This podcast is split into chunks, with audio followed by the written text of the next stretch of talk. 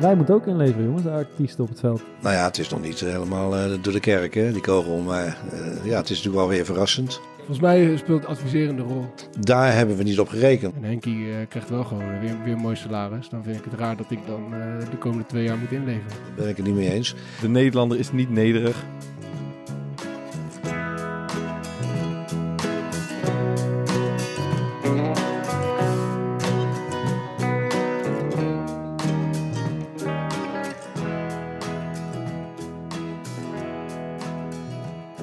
Volgens René Vroger worden artiesten van alle sectoren het hardst getroffen van iedereen. Er is gewoon niks, weet je. En een artiest is niet iemand die morgen bij een boer kan gaan werken of zo. Je hebt een specifiek beroep en daar heb je allemaal een opleiding voor genoten. Een artiest kan niet zonder publiek.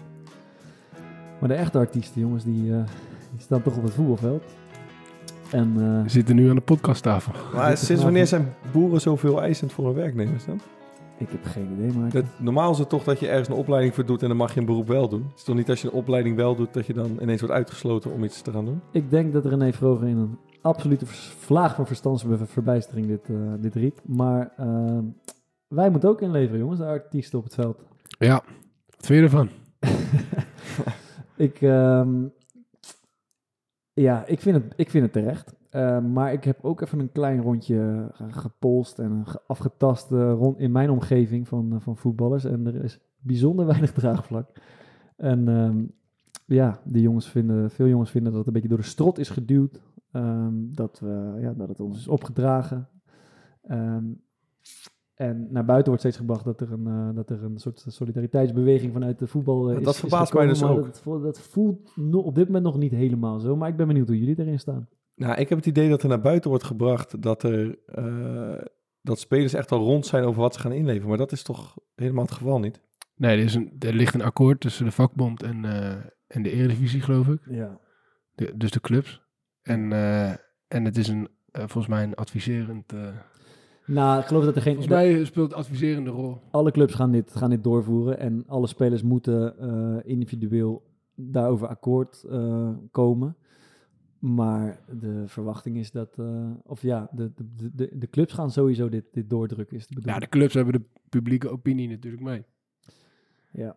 Want volgens het publiek uh, zijn de voetballers de, de, de, verwende, de verwende mannetjes. Maar, maar hoe ga je als club, club zoiets doordrukken? Als je uh, zo zit met een gozer, je verdient anderhalf ton. Ja. En je zegt van, joh luister, wij willen dat jij, ik weet niet precies wat het percentage daarvoor is, mm. 10%, zeg ik het goed?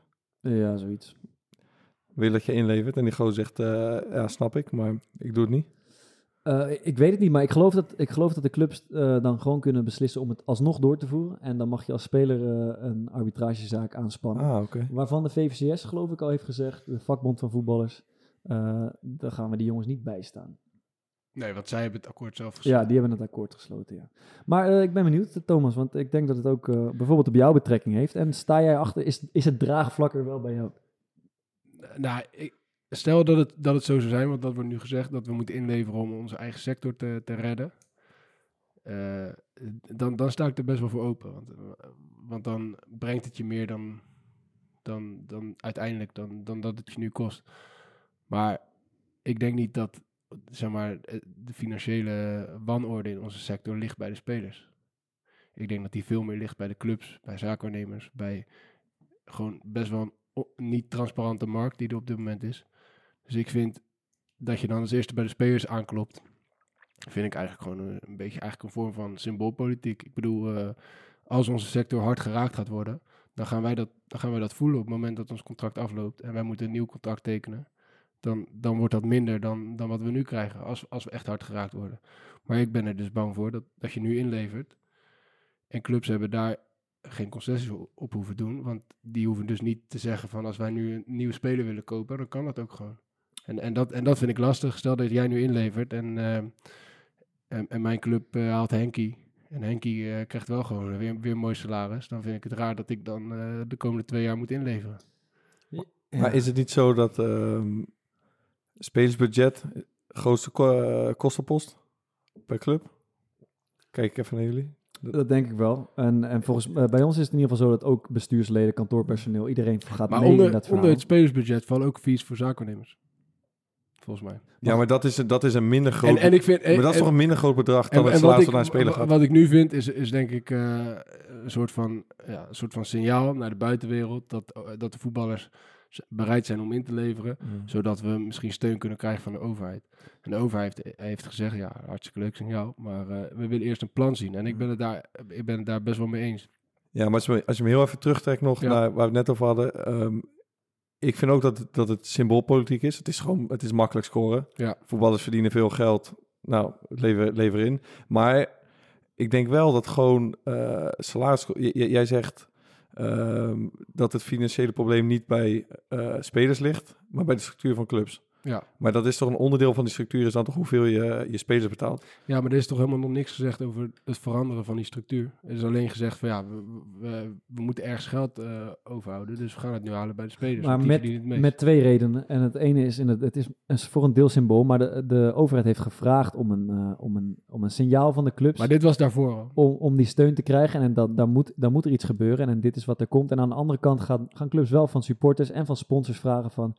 Goh, eh, blijven jullie ons steunen? Blijven je seizoenskaart verlengen? Blijf je sponsor, je business seats kopen? Want het geld willen we graag. eh, we willen graag dat je aan de club verbonden blijft. En het is ook een, een, een signaal richting supporters en, en sponsors...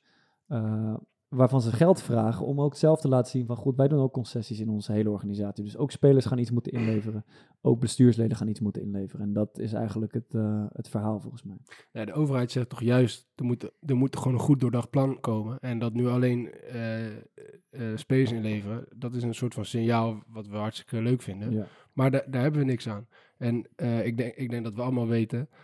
Kijk, als de ene, ene club dit biedt en de andere club biedt, biedt, biedt iets anders, dan gaan ze toch wel gauw met zaakwaarnemers om de tafel. Mhm. En, en, en dat is gewoon niet transparant op dit moment. Dus, d- dus er blijft gewoon heel veel, bijvoorbeeld bij de zaakwaarnemers, maar ook bij scouts en, eh, en noem ze maar op. Daar blijft gewoon heel veel geld hangen. Ik denk zelfs bij technisch directeuren.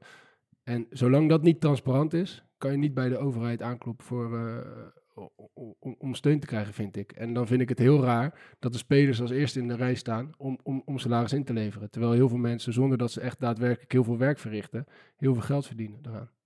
Ga je de arbitragezaak aanspannen, hoor ik. Nee, nee, nee, tussen nee, nee, zinnen want, nee, dat ga ik niet doen. Eh, wa- Want je hebt, je hebt in principe geen keuze. En, eh, en zo'n arbitragezaak ga je niet, ga je niet winnen. Maar eh, ik heb wel een mening erover. En over dat verhaal van, van nieuwe spelers aantrekken. Ik heb daar ook over nagedacht. Van god, ja, wij leveren komende tijd eh, een deel van ons salaris in. Maar ze gaan binnenkort wel schemeren met de aankoop van een nieuwe spits en een nieuwe rechtsbuiten. En misschien wel een concurrent voor Dat is jou. bij of jullie zelfs al gebeurd. Zelfs al gebeurd. Maar dan kan je ook natuurlijk stellen van ja, zo'n club heeft, heeft ook een, eh, een, een sportieve verplichting. Want ze moeten gewoon een oké selectie voor volgend seizoen op, de, op, op, op, op benen krijgen om, om eh, niet te degraderen bijvoorbeeld. Of in Ja, ieder ben geval ik, te ben ik helemaal met je eens. Maar het moet transparant zijn.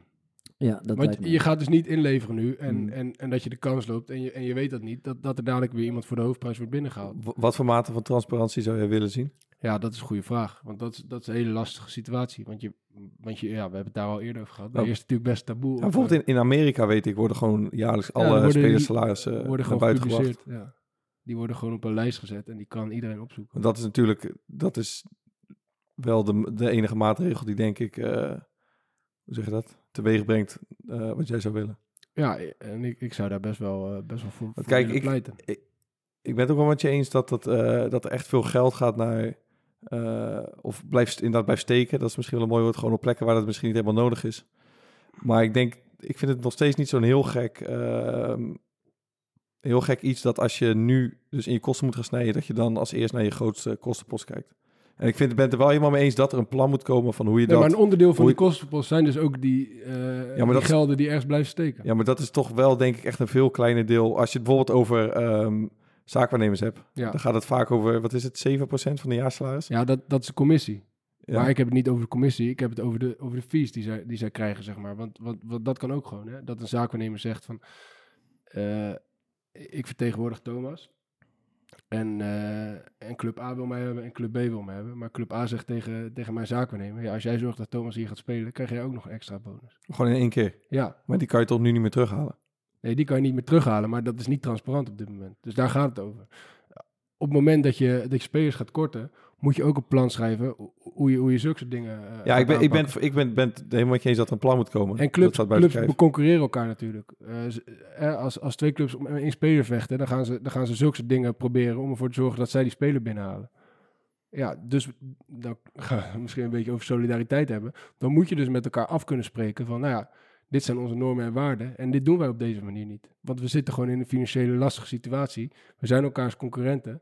Dan maken we gewoon afspraken over hoe wij de markt op gaan en, en, en eh, wat we wel doen en wat we niet doen. En wat we dus niet doen, is dat we geld gaan uitgeven aan mensen waarvan als die, die, die eigenlijk niks bijdragen aan de prestaties op het veld. Maar zoomen we nu niet een beetje ver in op de details en is het grote verhaal gewoon eh, de hele wereld heeft te lijden onder een, eh, een pandemie. En Vroger heeft over één ding wel gelijk. De, de wereld van de entertainmentwereld wordt vrij hard getroffen, waaronder je voetbal ook kan scharen. Ja. Geen publiek meer, geen sponsoring meer, misschien geen, in ieder geval geen wedstrijden meer voor publiek. Dat is een enorme aderlating voor die club. Ja, maar daar- is het niet daar- zo daar heel is ook- raar dat je als, als, als over het algemeen, ik spreek in ieder geval over eredivisie-spelers, als redelijk welgestelde eh, groep sporters eh, daar een klein deel van afstaat om die hele branche te redden. Maar gebeurt dat in de entertainmentwereld ook dan? Kijk, mensen die, die als ZZP'er werken, dus die worden ingehuurd, die hebben geen inkomen. Dat is Mhm. logisch. Maar mensen die een vast contract hebben, en die zullen er ongetwijfeld ook zijn in de entertainmentwereld, die heb ik nog niet gehoord over het inleveren van hun salaris. Dat, eh, dit hoorde ik ook een teamgenoot zeggen over, over piloten en advocaten bijvoorbeeld. Maar goed, ja, maar moet je wachten op Ja, andere mensen uit, zijn. moet je wachten op andere mensen uit de entertainment-industrie, als voetbal daar al onder valt, om een signaal te maken? Of kan je als relatief welgestelde voetbalbranche zeggen van, we kunnen dit, eh, we, we kunnen dit in ieder geval voor een deel intern oplossen?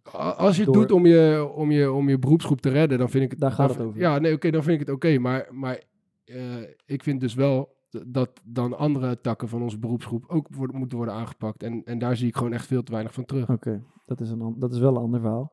Ehm, maar daar kan je gelijk in hebben. En ik wil eigenlijk naar, naar Louis van Gaal, jongens. Hebben jullie gisteravond Louis van Gaal gezien bij eh, Op 1 in gesprek met, eh, hoe heet die? Klaas Dijkhoff. Heb je gekeken? Ja, ik heb zeker... En wat vond je ervan? Ja, ik vind eh, Louis van Gaal heel intrigerend. Ja, Ja, hoezo? ja het, lijkt mij, het lijkt mij echt een geweldige trainer. Dus, dus op dat gebied vind ik hem al heel interessant. En ik vind wat hij zegt ook altijd wel, wel echt, echt mooi om te horen. Maar de manier waarop hij het brengt, ja, daar kan ik toch moeilijk naar Wat, luisteren. waar- Ik- waarom denk je dat Louis van Gaal eigenlijk zo'n bijzondere trainer is? Ik vraag me dat echt af. Ja, kijk, hij, hij zegt het allemaal best wel op een belerende, belerende toon. Maar hij, was zelf, Hij- hij- hij was zelfs belerend naar de minister-president en, en, en, eh, en Klaas Ja. Dijkhoff. ja, dat, dat vind ik toch ergens wel mooi. Want hij toont wel een bepaalde vorm van, eh, van leiderschap. En, en hij geeft daarin wel, zeg maar, in zijn woorden laat hij wel merken dat hij, dat die spelers best wel veel ruimte geeft. En dat die spelers, dat hij best wel bereid is om naar heel veel spelers te luisteren. En dat hij echt achter zijn spelers staat. En ik heb ook heel weinig spelers, maar gehoord die onder hem hebben gespeeld, die echt heel negatief eh, over hem zijn. En dan zijn meestal de enfant terribles die hem niet zo goed kunnen hebben, zoals uh, Slatan Ibrahimovic bijvoorbeeld. Ik weet het niet, man. Ik, heb, ik merk, ik zie bij die man niets ehm, dat hij bij zichzelf denkt van misschien ben ik niet de, de juiste man om hier op uh, hij vergeleken te gaan het, vertellen hoe de, hoe de het premierschap met uh, trainer zijn. Ja, heerlijk. Ja, ik weet niet. Ik, ik, Ja, hij ik ging, vond hij niet- ging wel een paar keer te kort door de bocht in die uitzending. Want Ja, hij, zei, hij zei dat Rutte alleen maar luisterde naar virologen. en, dat hij, en dat hij niet keek naar het andere aspect. Terwijl Rutte volgens mij precies juist wel eigenlijk alle aspecten... Ik als trainer huurde altijd allerlei experts in. Dan Ja. luister ik daarna en dan Maar verbond ik ik, die touwtjes met elkaar en dan gaf ik daar, maakte ik daar beleid Ja, op. Maar ja. ik zie het niet terug bij de huidige Ja, minister. het mooiste moment vond ik misschien wel, dat was helemaal aan het begin van de uitzending, werd Klaas Dijkhoff iets gevraagd en dat ging toen over eh, thuis vergaderen en, eh, en toen stelde die Klaas Dijkhoff een, een vraag, hij had nog niks gezegd, om vervolgens zelf antwoord te geven op die Heerlijk. vraag. Dat was zo genieten. De- eh, hij stelde hem niet omdat hij het antwoord wilde horen van Klaas Dijkhoff. Hij Gewoon, hij wou zijn verhaal doen, maar ik Ja, denk, precies. introduceer hem zelf. Ja, Hij- was wel een paar keer echt heel kort door de bocht. Eh, ik heb wat dingen opgeschreven. De Nederlander is niet nederig. De discipline van de mens is nu eenmaal laag. Doe je niks aan. Portugal volgt de regels wel op. Uh, Ja, ik, ja vond ik nou niet inhoudelijk heel sterk. er zit heel weinig twijfel in de Ik stem heb van één, één ding, wat ik, Mhm. dat vond ik het, eh, zoals jij dat eerste stuk het mooi vond. Ehm, op een gegeven moment wordt er de vraag aan hem gesteld van, eh, of ja, moet ik even zeggen, Klaas Dijkhoff eh, had natuurlijk dat stuk van voetbal moet met een plan komen. Er wordt nu om geld gevraagd, er is geen plan. Dus op een gegeven moment vragen ze mij, Louis, wat kan er nou dan gedaan worden in het voetbal? En ik heb hem even kort samengevat eh, wat hij heeft gezegd. Hij zei, er is geen oplossing. Ik geloof niet in de anderhalve meter samenleving. Is wel nodig, maar ik geloof er niet in. Voetbal raak je elkaar aan. Hebben we het niet eens over de publieke belangstelling erbij. Ongelooflijk dat de bekerfinale niet wordt uitgespeeld. Degradatie is een grap. Dus dan zeg je, kom maar met een plan. Het is dus de structuur van de KNVB. De clubs beslissen zelf. En in Engeland hebben ze een league-commissie en die beslist onafhankelijk. Punt. ja, Hij zag het niet zo rooskleurig. Heb je ook geërgerd aan, eh, aan Jeroen Pauw vervolgens? Wat dan? Die, was ook niet altijd, die zag het ook niet altijd rooskleurig in. Die, zei, die wordt zei al helemaal een niks? Die keer, wordt die wordt helemaal niks. Hij zei, ja, als er één besmetting is, dan kan heel de boel weer Ja. op slot. Terwijl hij had even volgens mij gemist dat, dat ze in Duitsland gaan beginnen. Ja. En dat daar gewoon al eh, een stuk of zes besmettingen zijn gemeld. En de- daar las ik wel een mooi stuk over. Dat dat juist aantoonde dat, dat hun systeem werkte. Dat die besmettingen werden gevonden en eruit werden gehaald. Moet natuurlijk nog wel blijken of, of, ze, of ze mensen verder hebben geïnfecteerd. Maar ja, Mhm. als je, als je, daar, twee, als je daar gewoon iedere dag test. Ja, wat, wat, wat hij volgens mij vergat is, eh, is dat ze daar... eh, in Duitsland testen ze nu natuurlijk superveel met Ja. spelers. En hij zegt, ja, als je twee jongens hebt die besmet zijn... moet de rest zes weken in quarantaine. Ja. Maar als er natuurlijk twee jongens besmet zijn... en je test vervolgens de rest... en die hebben het allemaal niet... Ja. dan kan je toch gewoon weer door, denk ik. Mm, Dat lijkt mij ook. ja. Ik denk het ook. Ik, eh, ik, ik erger me altijd zo vreselijk aan de totale, het totale mensprincipe waar hij de hele tijd mee te koop loopt. Hij, elke keer heeft hij daarover en dan wordt daar super hoog, hoogdravend dravend over gedaan. En dan eh, alsof dat een soort van de, eh, de methode van Gaal noemt hij het ook steeds, waarmee hij zijn succes heeft bereikt. En dan wordt er- visie. Dat, ah, dat is zo irritant. En dan wordt er bijvoorbeeld gevraagd van, hè, wat is dat nou, die, die totale mensprincipe? En dan begint hij, probeert hij met je uit te leggen. En dan zegt hij eigenlijk van, ja, ik stel gewoon vragen aan die spelers over wat hun voorkeurspositie is. En hoe ze in elkaar steken en welk, been ze eh, hun voorkeur heeft en bla, bla. Maar dat, ja, ik, eh, daar hoor ik, dat hoor ik hem al jarenlang over. Maar wat, waar bedoelt hij daar in godsnaam mee? Het totale mensprincipe. Ja, ik zou, het, ik zou het niet weten. Ja, ik denk dat hij, dat hij verder kijkt dan alleen naar de, naar de voetballer die, die, die, die, die in zijn team heeft. Dus dat hij ook gewoon probeert de achtergrond van iedere speler te begrijpen. Zodat hij zo'n speler ook beter kan coachen. Ja, En, dat- en ik vind helemaal niet dat En ik vind, dat geen slechte, is. ik vind dat helemaal geen Nee, slechte maar dat is toch helemaal niet baanbrekend of zo? Dat is toch eigenlijk wat heel... Maar misschien was dat in Nee, zijn, in zijn maar het is- periode wel. Hij maar doet al net alsof, dat een soort van, alsof er bij hem een soort... Zo komt het op mij over, alsof hij een soort van heel erg iets... Ja, maar het staat mij wel bij dat sommige spelers eh wel over hem hebben gezegd... eh, dat ze dat zo bijzonder aan hem Ja, maar dat is ook zo. Maar, eh, En dat staat dus blijkbaar niet bij heel veel andere trainers. nee, maar hij is dus een trainer die heel, heel goed is in het, in, het, in het toepassen van dat idee.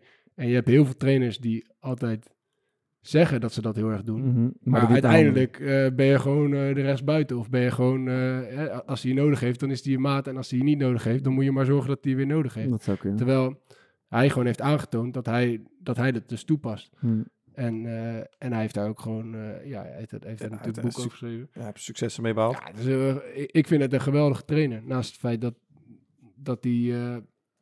dat hij waarschijnlijk tactisch ook best wel goed onderlegd is. Hij- Zorgt hij wel altijd dat zijn team met heel veel zelfvertrouwen op het, op het, op het veld staat. En als je dat ziet, dan, ja, dan kan je niet anders zeggen dan, dan dat hij daar wel best wel een, eh, een belangrijke rol in speelt. Dus ik, ik vind dat nooit zo raar. Ik vind het juist altijd wel interessant om, om te horen. Hij heeft ook altijd over die, eh, over die action-type dingen. Dus dan gaat hij eh, je persoonlijkheid proberen te, te toetsen aan de hand van een aantal vragen. Ja, die, daar kan je ook wel in geloven of niet in geloven. Mhm. Maar het zorgt er wel voor dat je, dat je mensen wat, de mensen met wie je werkt wat beter, wat beter begrijpt. En ik vind dat niet eens zo raar. Nee, ik vind dat eerlijk gezegd ook niet zo'n heel gek idee. We gaan zijn boek, misschien moeten we zijn nieuw boek gaan lezen om, om achter te komen wat hij er precies mee bedoelt. Het is niet zijn boek, hè? Het was een boek over hem. Ja.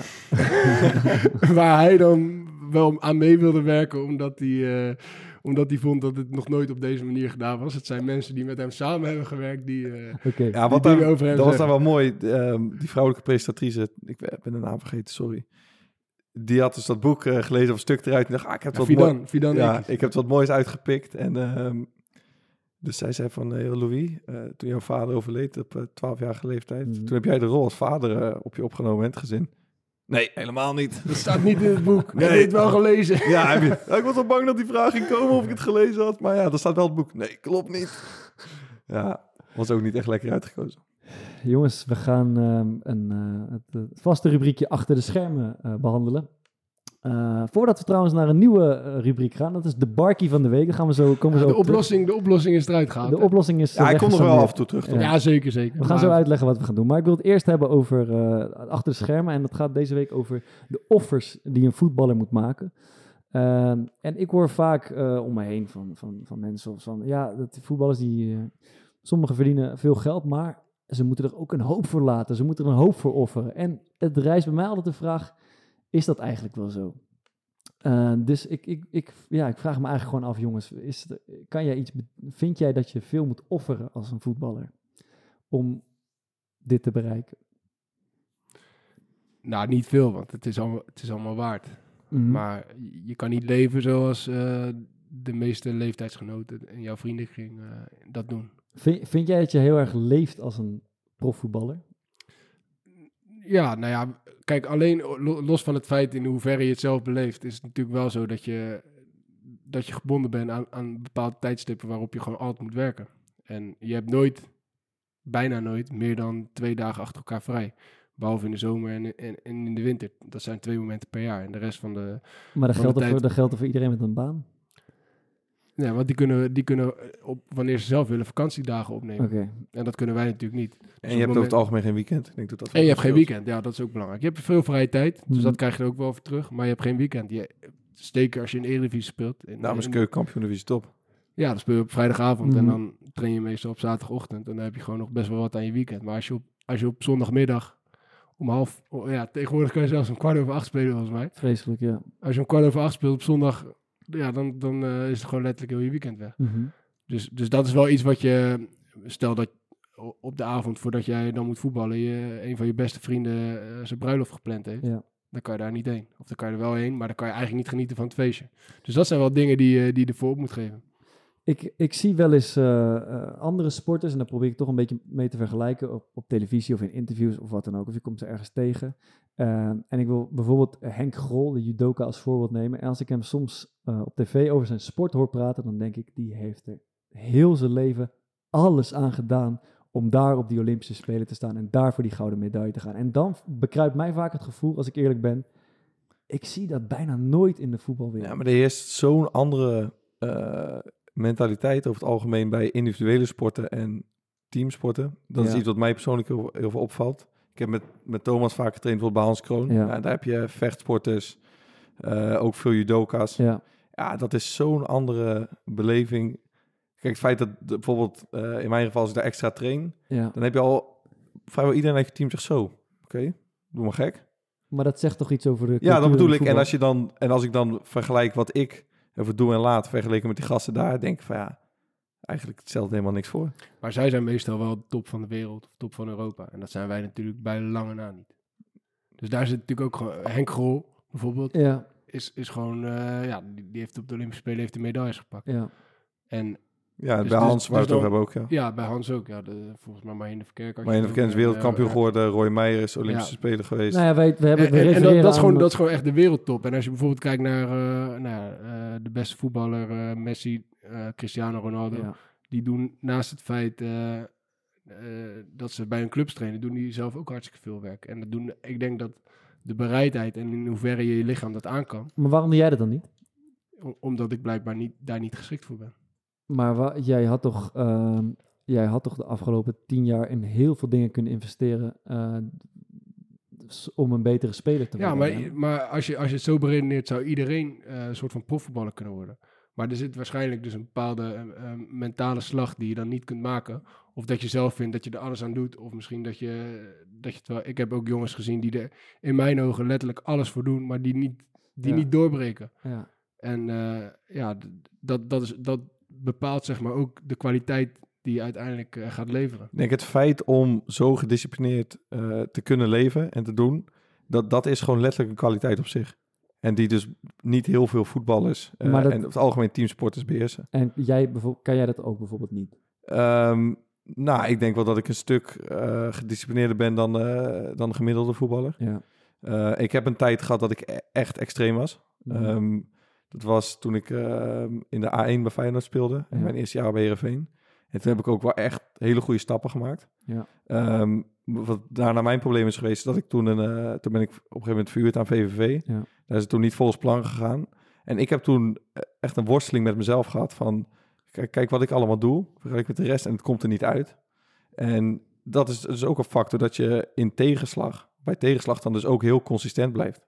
Hetzelfde met die individuele sporters. Het is, je moet echt een, een bepaalde consistentie houden over jaren. En dat is gewoon, mentaal is dat gewoon, dat is gewoon zwaar. Mhm. En dat is ehm, echt een kwaliteit als je dat kan. En ik dacht dat ik dat heel erg goed kon. En ik vind ook nog steeds dat ik gedisciplineerd ben.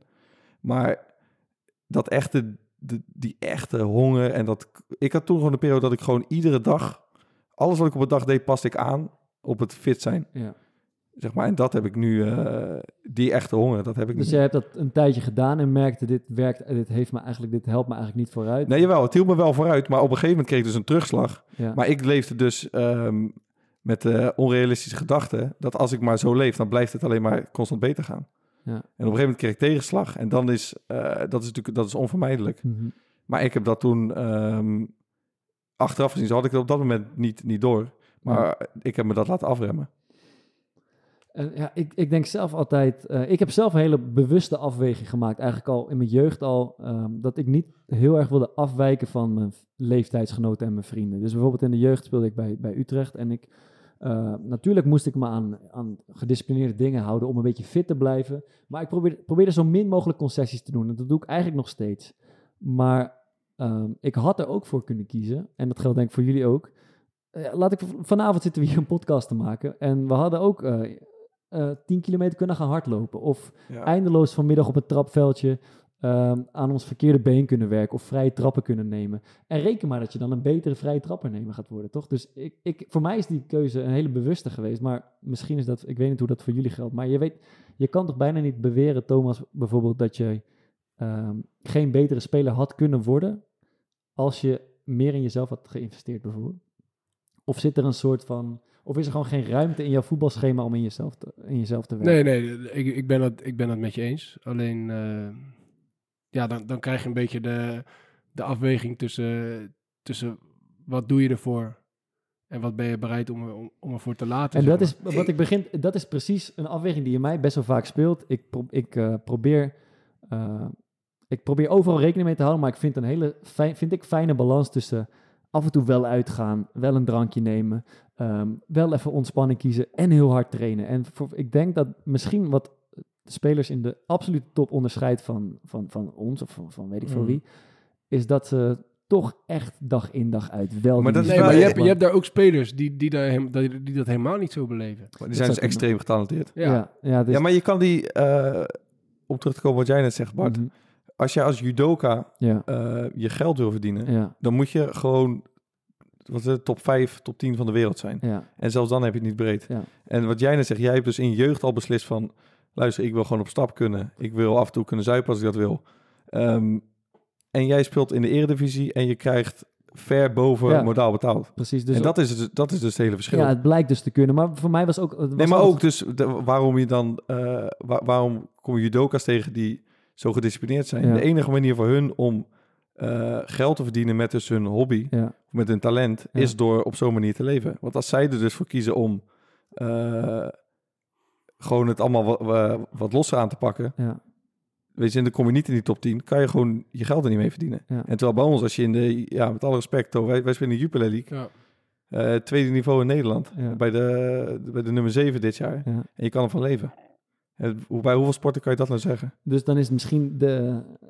ehm, Ja, je kan gewoon, dus, eh, je hoeft veel minder onderscheidend te zijn bij voetbal om eh er te van kunnen leven. ja, maar ik denk, niet, ik denk dat het ook in heel veel gevallen helemaal niet eh, zo'n bewuste keuze is. Nee, als als ik ook bijvoorbeeld naar mezelf kijk, ik heb eh, denk een hele rare voetbalcarrière. Ik heb tot mijn, tot mijn achttiende gewoon bij, bij VOC gespeeld en daar speelde ik echt op een heel laag niveau. En eigenlijk nooit, nooit gevoetbald met het idee om, om, profvoetballer te worden. Niet eens gevoetbald met het idee om zo goed mogelijk te worden. Ik Ja. voetbalde gewoon omdat ik voetballen het mooiste vond eh, wat er is. En dat vind ik nog steeds. En daarom doe ik het ook nog steeds. Dus eh, als ik het idee heb dat ik, eh, dat ik binnen het voetbal meer kan bereiken doordat, doordat ik heel veel extra werk doe, dan, en het draagt bij aan mijn plezier wat ik beleef aan het voetbal, dan ga ik dat doen. En dat heb ik ook lange tijd bij, bij Sparta op best wel, best wel hoog niveau gedaan. Zeg maar, het jaar dat wij, dat wij kampioen werden bijvoorbeeld. Maar dat werd wel allemaal soort van gefaciliteerd door de club. Dus eh, als ik naar mezelf kijk, ah, ik, doe eigenlijk gewoon een beetje wat me wordt opgedragen. Ja. En, eh, en ik heb een tijd lang nog, nog daarnaast eh, bij Hans Kroon getraind. Maar ik vind het toch lastig om dat, om dat vol te houden. Omdat, omdat me dat gewoon geen voldoening geeft. En ik denk dat het in je natuur zit om gewoon een bepaalde vorm van eh, voldoening na te jagen in, eh, in je leven. En eh, op bepaalde momenten kies ik er gewoon voor om andere dingen te doen. Bijvoorbeeld om training te geven aan, eh, aan, aan kinderen op VOC. Dat Ja. geeft me dan meer voldoening op dat moment. Ja. Dan, dan, dan in mezelf inv- investeren als voetballer. Mhm. Daarmee vind ik daarnaast niet dat ik niet investeer in mezelf als mens. Dus dat zijn altijd, ze- zijn altijd denk ik verschillende dingen. Je, je, kan, je kan alles opzij zetten om zo goed mogelijk te worden. En ik denk dat de rol van zelfvertrouwen ook extreem belangrijk is. Mhm. Ja. eh, in, in, Gigantisch, man. Echt. eh, of, je, of je wel of niet presteert. Ja. Eh, en dan kan je zo hard trainen als je, als je wilt. Maar als je niet een bepaalde mate van natuurlijk zelfvertrouwen daaraan overhoudt, Zeker. dan ga je niet presteren. Ja. En, en daar geloof ik heilig in. En ik geloof er ook in dat als ik me goed voel, dat ik d- dat mijn zelfvertrouwen daar dat alleen ten goede komt. Dus als ik me goed voel doordat ik training ga geven bijvoorbeeld, dan krijg ik meer zelfvertrouwen op het veld. Daar ben ik heilig van overtuigd. Dus Mhm. dat is ook eigenlijk een vorm van investeren in jezelf. Ja. En het hoeft niet altijd fysiek te zijn. Het hoeft niet altijd meetbaar te zijn. Eh, eh, en dat is wel naar, waar heel veel mensen naar op zoek zijn. En ik geloof daar niet echt in. Ik worstel daar soms wel mee, man. Wat jij net zegt, dat je een beetje afwegingen maakt van wat, eh, hoe investeer ik in mezelf als mens en weet je, hoe ontwikkel ik me als, ja, als voetballer in dit geval. Eh, omdat ik heel erg ben, eh, een beetje in de Feyenoord-jeugd ben opgegroeid van eh, drinken is slecht, je gaat als voetballer ga je niet op stap. Dus ik heb dat nooit gedaan toen ik jong was. En ik merk nu soms dat ik wel denk van, nou, ik ben wel benieuwd hoe dat zou zijn. Want als ik dat gewoon op geregelde basis Maar zou wie, doen. wie vertelde jou dit dan? Ja, dat, dat weet ik niet eens specifiek meer. Maar dat was gewoon echt die, die mentaliteit, weet je wel, die daar heerste. En, Ja. dat is- en er waren ook jongens die daar op een gegeven moment, als je 18, 19 eh, werd, overheen stapten. Maar Ja. ik had dat niet. Heb jij En- wel eens... eh, oh ja, En, en, ja, en daarna kwam ik dus zwaar, zeg maar, echt in die bubbel van, weet je, volledig alles aan de kant, 24-7. Ja. En nu, eh, de, laatste paar jaar ben ik, weet je, ook andere dingen gaan ontdekken. Dus Mhm. met studeren, nou, bijvoorbeeld nu doen we zoiets als dit.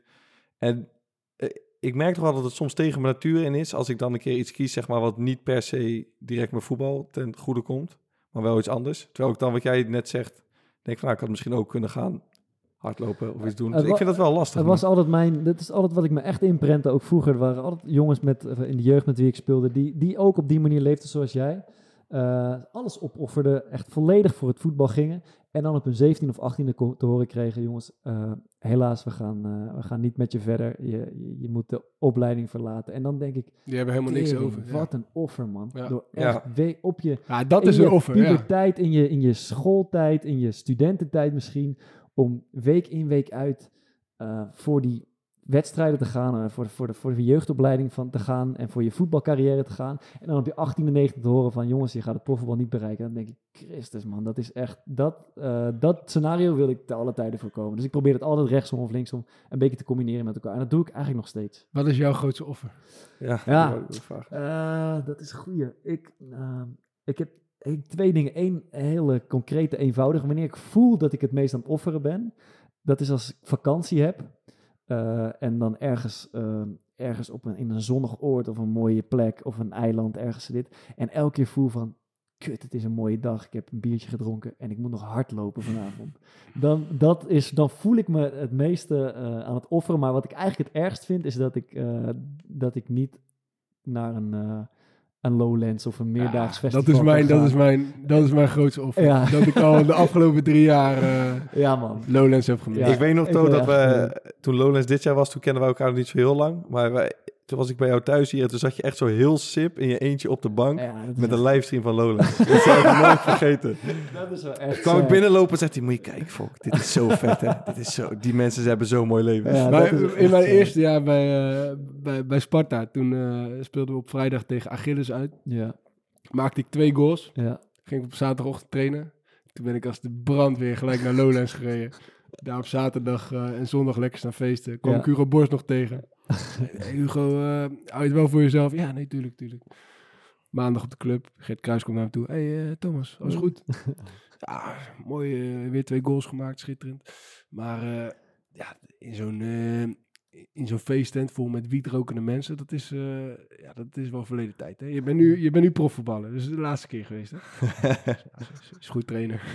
Ja, ik ben niet zo'n niet zo'n heel erg feestbeest of koerentijger. Dus ik vind, voor mij zijn zulke dingen niet echt... eh, Ja, het is Nee, echt maar- fucking gezellig, man, Maarten. Als je daar, ik heb het dus ook één keer mogen mee. Ik speelde één, eh, twee seizoenen geleden in de, in de Jupiler League. En je bent altijd, je baalt, je baalt als je, je baalt enorm als je degradeert naar de keukenkampioen divisie. Maar er komt één groot voordeel bij. En dat is dat je wedstrijd op vrijdagavond gaat zijn. En je kan uitzien naar een jaar lang vrije weekenden. Waarin je Ah, toch een keer kan doen. ik wat kan je- me dit, dit kan me nog goed herinneren toen we eh, Maar ja, met, met VVV kampioen waren Ja. geworden. Ehm, dat jaar gingen... Nou, ja, na iedere thuiswedstrijd ging een groepje gasten eh, op stap. Ja. Eh dan moet ik zeggen, daar was ik ook eh, nog wel geregeld bij. Mhm. En als je het weekend vrij was, of als je alleen zaterdag trainen had, nou, dan ging zaterdagavond nog mensen. Nou, er waren nog een paar fanatiekelingen, die gingen op zondag ook nog even kijken in de Ja. stad. En het jaar daarna promoveerden zij. Mhm. Maar dat je natuurlijk een beetje die groep waar je dan nog in zit. Ja. En dan weet ik dat er echt wel gasten waren die dan aan de ene kant een beetje grappig, maar ook echt wel met een serieuze ondertoon. Dat ze het echt kut vonden dat ze dan iedere keer op zondag speelden. Mhm. Dus die konden nooit meer... Dan kan je, wat je net zegt, daar kan je niet meer op stap. ja. Dus waren echt gasten die daar... maar Lowlands staat eh, echt eh, in, ja, of op stap gaan staat echt in schil contrast met, eh, Lowlands. met een weekend Lowlands. en, ook, en ook een weekend Lowlands op het moment dat je op vrijdag hebt gevoetbald, dat is ook niks, man. Dat is niks vergeleken met Nee, een weekend het Lowlands. kunnen Gewoon. Ja. dat je daar gewoon helemaal vogelvrij bent Ja. en, en, en dat je helemaal niks aan je hoofd hebt. Dat je op maandag bijvoorbeeld vrijgenomen hebt en, Ja. en dat je gewoon heel rustig op je gemakje naar huis kan gaan en dat je de boel de boel lekker laat. Dat is het mooiste. Ik, toen ik bij VOC voetbalde, toen, eh, ja, ik ging altijd Lo- naar Lowlands en ik had bij VOC natuurlijk geen contract of zo. Dus eh, ja, daar konden ze vrij weinig tegen doen. Alleen was wel altijd in de eerste week van de competitie of, of meestal bekervoetbal of zo. De trainer die vond het toch wel kut en die zei op een gegeven moment, eh, ja, kan je niet even, kan je niet even terugkomen Mhm. van, eh van Lowlands? Ik zei, ja, nou ja als, je ons, als je ons ophaalt en, eh, en gelijk weer terugbrengt naar de wedstrijd, dan gaan wij wel een potje voetballen, 's smiddags om, om twee uur. En zo geschieden. Mijn trainer die kwam mij, mijn broertje en, en onze laatste man kwam die 's morgens ophalen. Maar dat was nog in de tijd dat, eh, ja, dat mobiele telefoons niet, niet opgeladen konden worden eh, met van die portable eh, chargers, zeg maar. Dus ja, bij Lowlands kwam je dan op donderdag aan en op vrijdag was je telefoon leeg.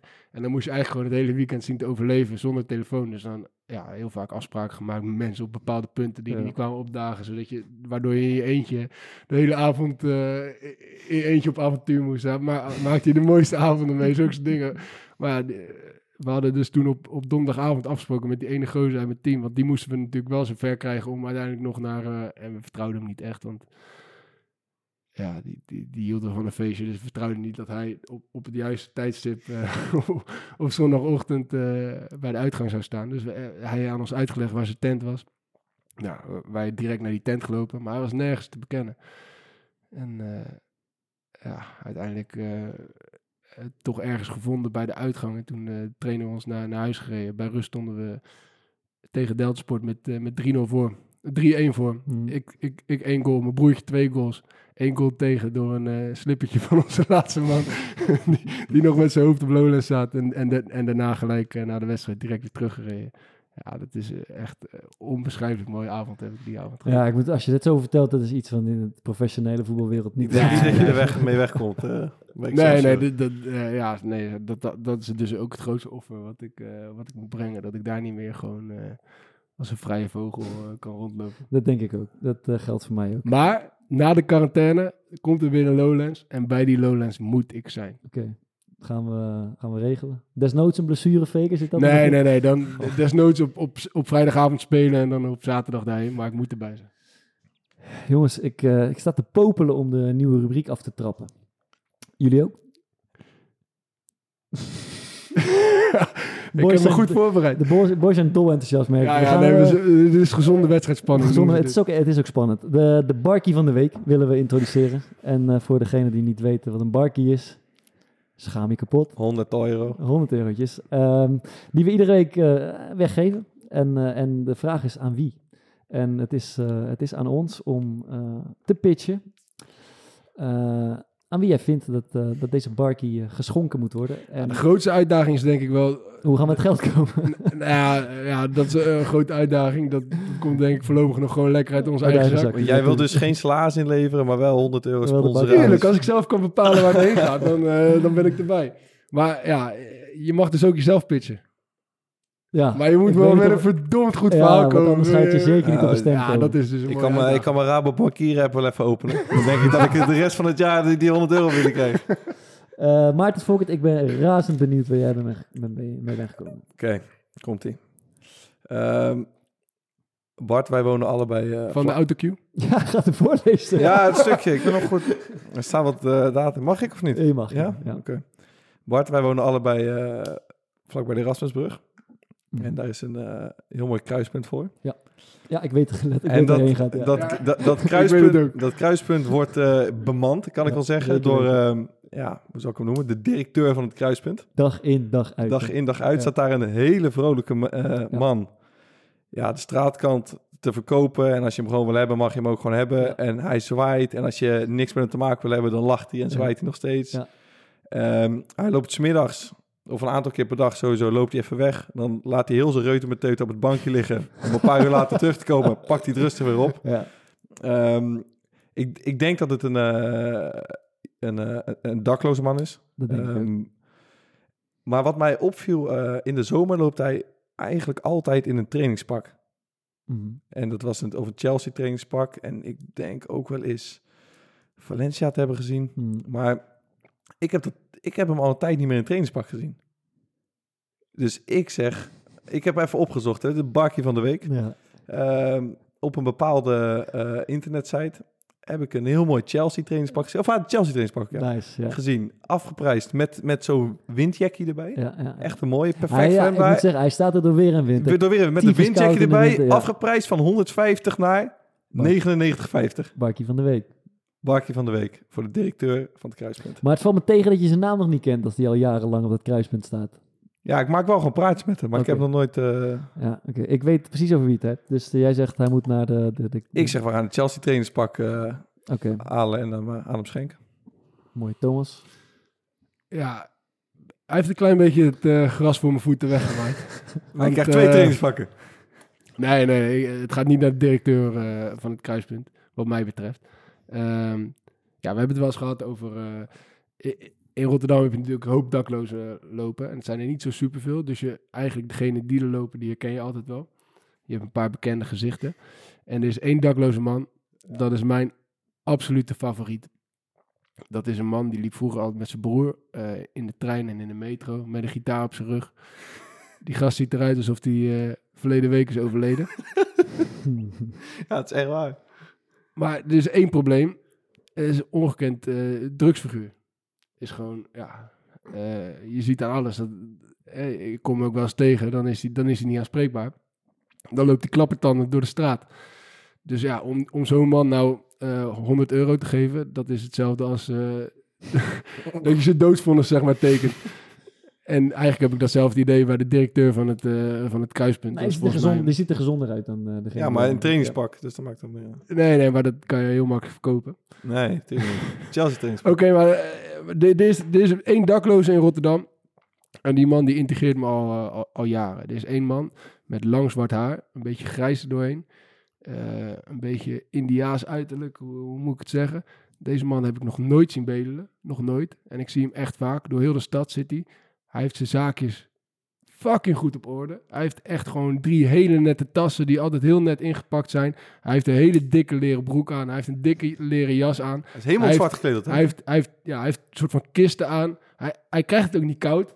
En, en ja, bij mij is altijd het idee dat deze man er bewust voor heeft gekozen om, om, om dakloos te zijn. Hmm. Dus dat hij gewoon zijn zaakjes hartstikke goed op, in orde, op orde heeft. Hij heeft geen 100 euro nodig. Dus. Nee, maar, maar hij, hij verdient ook natuurlijk geen geld. Dus hij krijgt nooit een keer vakantiegeld of een financiële meevallen of wat dan ook. Kijk, en, deze, en je weet van deze man, hij heeft zijn zaken goed op orde. Dus hij gaat het ook goed besteden. Hij gaat er iets, iets mee doen eh, wat, wat hij nooit heeft kunnen doen waarschijnlijk. Hij bedelt niet, hij, is- hij, hij zit niemand in de weg. En ik zou het heel graag aan mijn favoriete zwerver willen geven. Maar die gozer, die, die koopt er drugs van. Dat mag hij best doen voor mij, maar 100 euro koop je net te veel drugs van. Dus ik wil, ja, ik wil heel graag aan. eh, ik, ik wil ook heel graag deze gelegenheid nemen om, om, om, om deze kerel beter te leren kennen. Je weet ook niet hoe die heet. om- ik heb geen idee. Maar hoe, ik heb hem nooit we, aangesproken. maar hoe gaan we hem in godsnaam vinden? Deze man is heel te Ja, wel, hij loopt iedere dag bij ons voor Ja, hij zit, hij, zit, hij zit tegenwoordig zit hij bij het Maritiem. Museum daar zo. Ja, eh, Maritiem Museum of de Maasboulevard, zit hij. Hij, chillt altijd ergens op een bankje. Ik kom me heel vaak tegen. Dus eh, de kans is heel groot dat komende week een van ons hem zie- zal zien zitten. En dan, Hij, hij eh, lijkt ook eerder op een, even- op, een, eh, op een backpacker dan op een dakloos man. Ja, ik, ben, ja, ik, ik wil gewoon weten hoe het zit. En, eh, eh, en je kan maar daar heb je natuurlijk toch geen niet- en 100 kan- euro voor En je kan natuurlijk niet met lege handen aankomen. Ik vind dat hij daar gewoon eh, wat voor terug hoort te krijgen. En, en, en ik vind dat hij het ook verdient. Ik bedoel, als je daklozer bent en je bedelt niet, dan ben je in mijn ogen een absolute held. Mocht hij winnen, dan gaan we Angroep deze zijn barkie naar hem toe brengen. Ja, dat gaan we sowieso doen.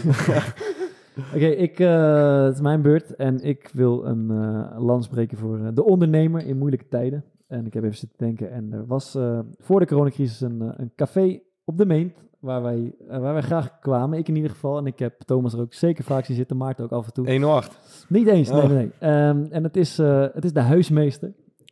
En wij hadden van deze podcast het idee om, eh, omdat, omdat we er graag kwamen, ze hebben een leuk terras, ze hebben lekker eh, eten, om daar de podcast op te nemen.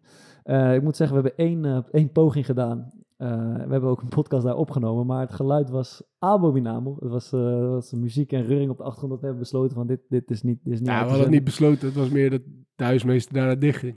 Ook dat, ook dat, ook dat. Eh, en dat is het probleem. De huismeester is net overgenomen door, eh, door, door drie eh, gasten, of twee meisjes, twee, twee jongens en een meisje. En die hebben de, de domme pech dat eh, de coronacrisis eh, precies in die tijd uitbrak. Ehm, en het zit op de meent. En we hebben al vaker gezegd, dat is toch een beetje de straat waar onze naamgever van onze podcast, de heer Korpot, eh, De de, laak, de lakens uitdeelt. De koning van de meent. Absoluut de koning Ja, van de gewoon meent. korpot erin ook. En eh, Hij, hij wil echt graag winnen. Hij wil echt graag winnen. Hij doet- Zie Niks ik gaat te ver voor Joost. Eerdmans, daar zit hij. Eh, maar jongens, de, deze drie eh, guys van de huismeester die hebben de, de, de, de brute pech gehad dat eh, op, precies op het moment dat zij de zaak overnamen en het een kickstart wilden geven, eh, de coronacrisis uitbrak en dat ook eh, de core podcast eh, niet meer, eh, niet meer daar werd opgenomen. En eh, ze hebben toch een, een locatie ter beschikking gesteld en om iets kleins terug te doen, zou ik zeggen, die 100 euro is, is zeker op zijn plek en dan ga je geen onderneming meer redden, maar misschien kunnen ze ordinaire avondje bier gaan drinken met elkaar. Dus eh, de huismeester zou mijn... eh, Als ik zelf niet met zo'n goed idee was gekomen, had ik die voor jou echt wel tof gevonden. Ja, je kan nu op je, op je blaadje gaan schrijven wie, wie de winnaar wordt. Even erbij zeggen, we hebben een nieuw stemsysteem bedacht. Waarin Ja. iedereen eh, Dat roepen, dat werkt zijn stem Dus schrijft, eh, omdat eh, Thomas een paar keer gefraudeerd heeft. Ik ben razend benieuwd, jongens. Het gaat om, eh, het gaat om geld vandaag. Daar gaan we.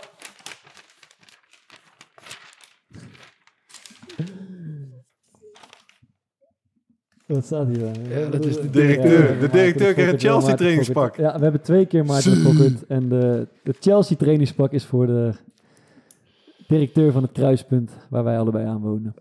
Ik wilde wel, bij, ik vind het alle drie zulke leuke ideeën. Als er nou iemand zegt van, ik wil ook nog wat sponsoren, klappen ze het alle drie Ja, toevallig, eh, ja, dat zou mooi zijn. Toe- toevallig heb ik gisteren eh, voor moederdag, eh, want mijn vriendin heeft voor het eerst moederdag eh, kunnen vieren, de, de moederdagbox besteld bij, eh, bij de huismeester. Absoluut aanraden.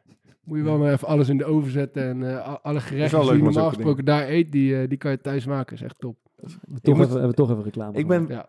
Ik ben blij met deze rubriek, eh, Bart. Ja, ik we weet niet wie van jullie twee ermee kwam, maar ik vind hem echt goed. Laten we hopen dat, dat deze reclame alleen al eh, gewoon die 100 euro waard is. Dus dan hebben we alleen maar winnaars, behalve mijn held. Maar voorlopig hebben maar we die een, hebben die nodig, heb je net zelf heel mooi zitten uitleggen. Ja. Voorlopig gaan we een, eh, een, een, een naamloze, eh, waarschijnlijk dakloze man op het kruispunt eh, bij Maarten Zal ik hem. Ja, wordt Zal- vervolgd zal ik- met foto's en al. zal, zal ik hem zijn zijn kledingmaat vragen eerst? Ja, ook goed. Ook goed. Ja, Ik wil- foto's en al, dat vind ik dan wel een beetje dubbel. Want wij lopen eh, te verkondigen dat we het zo irritant vinden als iemand het goeds doet. Dat er dan foto's bij komen. Maar ja, Ja, tegelijkertijd... je moet wel hem is bewijs hebben. Je moet wel, be- ik bedoel, we kunnen hier een heel mooi rubriekje geven, eh, maar, eh, houden en, en dan vervolgens niks Ja. doen. Dat, dat kan natuurlijk ook. Moet Ja, het ik vind het ook, moeten, ja. we moeten het bewijzen. de directeur. ja. Vlammend is het. Ja, de directeur van het kruispunt die krijgt een eh, Chelsea trainingsbak. Ja, ik ga ga niet denk- eerst vragen wat zijn favoriete club is trouwens. Ja, maar dat is ook wel goed, ja. Nee, ja, ik krijg gewoon Chelsea. Ja, kom op, we gaan naar op een zijkant. Ik ga, vol, ik ga van volgende week... Denk niet te Wij, veel zeggen- gaan willen. wij proberen hem te helpen. En dan komt hij ook nog eens met zijn favoriete club uiteindelijk. Ja. Dat kan toch niet? Dat je dat een Chelsea-pak komt. Dat, Dat Chelsea in de aanbieding was. Godverdomme, het is weer niet goed genoeg Nee. eh, voor, voor de directeur van Nee. het kruispunt. dat je met een Chelsea-pak komt dat hij zegt van... Nou, ik heb er niet van. Vooruit. Eh, leuk. We gaan, eh, ik denk, volgende week weer verder met deze. Ja, dan pitch ik een paar schoenen voor hem, denk ik. Ik vind het tijd voor eh, om eh, de luisteraar die nog eens blijven hangen eh, te verblijden met, eh, met eh, wat eh, u en ons opviel in de media. Zoals ze vroeger bij Kopspijkers zeiden. En eh, Thomas, ik ben benieuwd naar wat jij hebt. Ja, ik ben eh, naast eh, groot muziekfan van vorige week, ben ik ook een heel groot eh, filmfan. Dus ik ga graag naar de, naar de bioscoop en ik kijk graag films thuis. In je eentje zit je dan, hè? Ja, dat hebben we al een keer besproken. ik kan niet wachten. Ik kan echt niet wachten. Maar eh, ja, ik heb eh, het programma van Martin van Koolhoven zitten kijken. Eh, de, de Kijk van Koolhoven heette dat, geloof ik. ja. En er waren twee afleveringen over, over, over gangsterfilms. Die moet je echt absoluut kijken. Over de Godfather en over de films van Martin Scorsese. En die zijn helemaal geweldig. Maar hij zat van de week bij, bij Op 1 volgens mij. En daar had hij het over, over, over ja, pandemiefilms. En tot mijn grote spijt, of tot mijn grote ergernis, noemde hij niet 12 Monkeys. 12 Monkeys is een, eh, is een film een aantal jaar geleden gemaakt. eh, geregisseerd door eh, een Monty Python lid, Terry Gilliam. met in de hoofdrol Bruce Willis. En in een absoluut geweldige bijrol Brad Pitt. Een hele jonge Brad Pitt die een of andere mafkees speelt. En dat gaat over dat er een gek is. Of over, over dat een beweging is die de wereld wil uitroeien met een, eh, met een virus. En dat virus heeft de wereld ook daadwerkelijk eh, eh, bereikt. En er zit een bepaald retrospect in de, in de film waar je uiteindelijk achter komt. Maar die film die is echt weergeloos. De enige film waarin tijdreizen echt goed gefundeerd is uitgelegd. Dus, eh, ik ga ja, deze denken... 12 je 12 hebt hem lekker verkocht, man. Ik Ja, ga eens ja, kijken. Er is, Ja. er is inmiddels ook een serie van, volgens mij op Netflix of zo, die zou ik niet kijken. Je moet alleen de film kijken. 12 Monkeys. Staat hij op Netflix ook? Ja, of, of ja, in ieder geval is een serie 12 Monkeys, die heb ik voorbij zien komen. Dat, gaat ook, dat is hetzelfde Dan moet door de film. Op de film op Netflix staat. Nee, nee die, die zou echt op uh, Pathé Thuis of zo, Ah, eh, of weet ik veel, eh, via de illegale manier eh, ergens moeten vinden. Of koop hem gewoon op bol.com. is absoluut de moeite waard. Oké, eh, mooi. En als je deze tijdreis eh, pandemiefilm zat bent, heb ik ook een filmtip. Ik heb gisteravond eh, een filmpje gekeken en ik heb een relatief sombere smaak in muziek. En dat geldt ook zeker voor films. Maar gisteravond ben ik, heb ik een feel-good movie opgestart. En eh, ik heb met een grote glimlach gekeken naar Peanut Butter Falcon. Ja, geweldig. Heb je gezien? Ja. ja, toch? En, Ja, eh, mooie film. Het is helemaal niet mijn, eh, eigenlijk helemaal niet mijn type film, maar ik heb echt van begin tot eind, als je, als je even lekker vrolijk wil voelen over de wereld, dan moet je naar Peanut Butter Falcon kijken. En het gaat over een jongen met het syndroom van Down, die, die ontsnapt uit een, uit een inrichting. En een gozer die een soort van op de vlucht is voor een ruzie met eh, twee andere gasten. En samen ontmoeten ze elkaar toevalligerwijs halverwege die, die vlucht. En, en, en vluchten ze eigenlijk eh, een beetje de vrijheid tegemoet met elkaar. Dus de jongen met het syndroom van Down en de jongen die met een shotgun in zijn, eh, in zijn rugtas op, op de vlucht is voor zijn vijanden. En, en ze maken een mooie avonturen mee. En het is echt een vrolijke film waar je... Ja, Shia LaBeouf is eh, Zeker weten, ja, ja. een geweldig acteur. Die, die, die brak een beetje door in, eh in van die kaskrakers. En die heeft op een gegeven moment is die volgens mij eh, is die spoor een beetje bijster geraakt. Tenminste, dat leek zo. En, en vervolgens speelt hij alleen nog maar in de films die hij zelf ook echt gek vindt. en En dan in- speelt hij een beetje alternatieve rolletjes. En dat, en dat staat hem echt geweldig. In deze film pakt hij absoluut zijn shine. Dus de Peanut Butter Falcon is, is voor een vrolijke avond zeker de moeite waard. Maarten, ik zit op een boek of een podcast te wachten, zeg het maar. Ja, geen boek eh, deze week. Maar eentje die jij eigenlijk al een keer eerder hebt aangedragen. Ik hoop de podcast van eh, Tim Fransen. Steengoed. Ja, echt. Ik vind het echt het beste wat ik tot nu toe eh, gehoord heb. Moet ik op de Core Podcast na natuurlijk. Het heet Beschaving, de nabeschouwing. Ja, het gaat over van alles en nog wat. Maar vooral over de maatschappelijke problemen die er nu zijn. Hij zoomt lekker uit. Hij maakt mensen belachelijk. drukt je met je neus op de feiten. En maakt, wat ik heel knap vind, eh, in een monoloog hele leuke grapjes. Ja. Waar je dan echt, eh, in ieder geval in mijn geval, hard om, eh, hard om zit te lachen. Blijkt ook nog best wel lekker te kunnen zingen af en toe even tussendoor. is heel muzikaal ook Mhm. nog, ja. En ehm, ze zijn niet zo lang. 35, het zijn twee afleveringen nu, 35 minuutjes. Zouden wij ons ook eens aan moeten Dus- houden. ja, dat is weer niet gelukkig, gok ik. En ik heb een, ehm, een Instagram-account van Ugur Allen. ja, dat is een, een Turkse ja, kunstenaar, fotograaf. En hij combineert ehm, foto's met elkaar van bijvoorbeeld een, eh, laat ik zo zeggen, een Amerikaanse vrouw die de ehm, hand van de dochtertje vasthoudt en naar school brengt en een beetje gestrest overkomt van, fuck, mijn kinderen moeten naar school en ik heb zoveel te doen, ik, heb het, eh, ik ben gestrest. En dan van bijvoorbeeld een eh, moeder in Syrië die met haar kind staat zeg maar, op een slagveld waar bijvoorbeeld net de vader is doodgeschoten. En hij combineert het net alsof die foto's echt zeg maar, pal in elkaar overlopen om dan het contrast eh, weer te geven. En dat is zeer indrukwekkend. Voilà. Origineel. Ja, ik zag hem, dacht leuk. Ik, eh, ik wil afsluiten en ik hoop dat volgende week uh, Barkie van de Week er weer in zit. En dat we één deze dagen uh, het kruispunt togen om deze man zijn welverdiende 100 euro te, te bieden. Zeker. Tot volgende week. Tot volgende week.